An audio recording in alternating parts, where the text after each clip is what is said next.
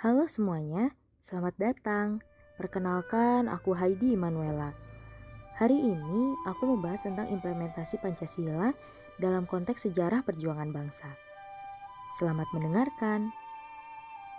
Seperti kita ketahui bersama bahwa Pancasila yang kita kenal sekarang tidak terlepas dari perjuangan para pahlawan di masa lalu. Pancasila sudah mengalami beberapa perubahan Beberapa organisasi yang ikut andil di dalam perubahan Pancasila yaitu BPUPKI, Panitia 9, dan PPKI. Adapun berbagai tokoh pahlawan yang ikut ambil andil di dalamnya, seperti Bapak Muhammad Yamin, Mr. Supomo, dan Presiden Indonesia pertama, Bapak Insinyur Soekarno. Setiap keputusan dan hasil yang diambil dalam setiap rapatnya adalah hasil pemusyawaratan para pahlawan yang tentunya dianggap baik bagi kehidupan masyarakat Indonesia, terutama dalam usaha mencapai kemerdekaan Indonesia. Setelah mengalami berbagai perubahan, akhirnya pada tanggal 1 Juni 1945 ditetapkan sebagai hari lahirnya Pancasila. Lalu, bagaimana implementasinya dalam kehidupan sehari-hari, khususnya sebagai mahasiswa dan mahasiswi keperawatan?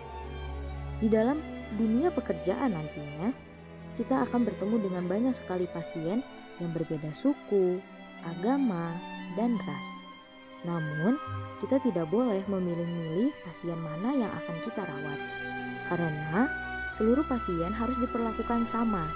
Mereka pun memiliki hak untuk mendapat layanan kesehatan. Selain itu, dari sejarah perubahan Pancasila, kita dapat belajar bahwa untuk mencapai hasil yang terbaik, kita perlu melewati berbagai macam proses dan tantangan.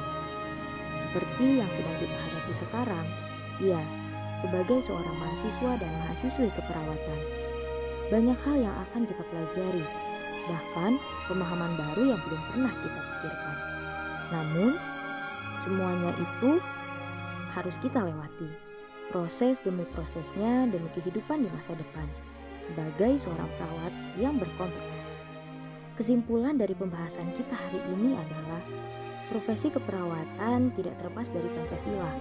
Pancasila dipakai sebagai dasar dalam menjalankan profesi ini, yang tentunya bersikap baik dan mengimplementasikan nilai-nilai Pancasila bukan hanya kepada pasien, namun kepada teman sejawat lainnya.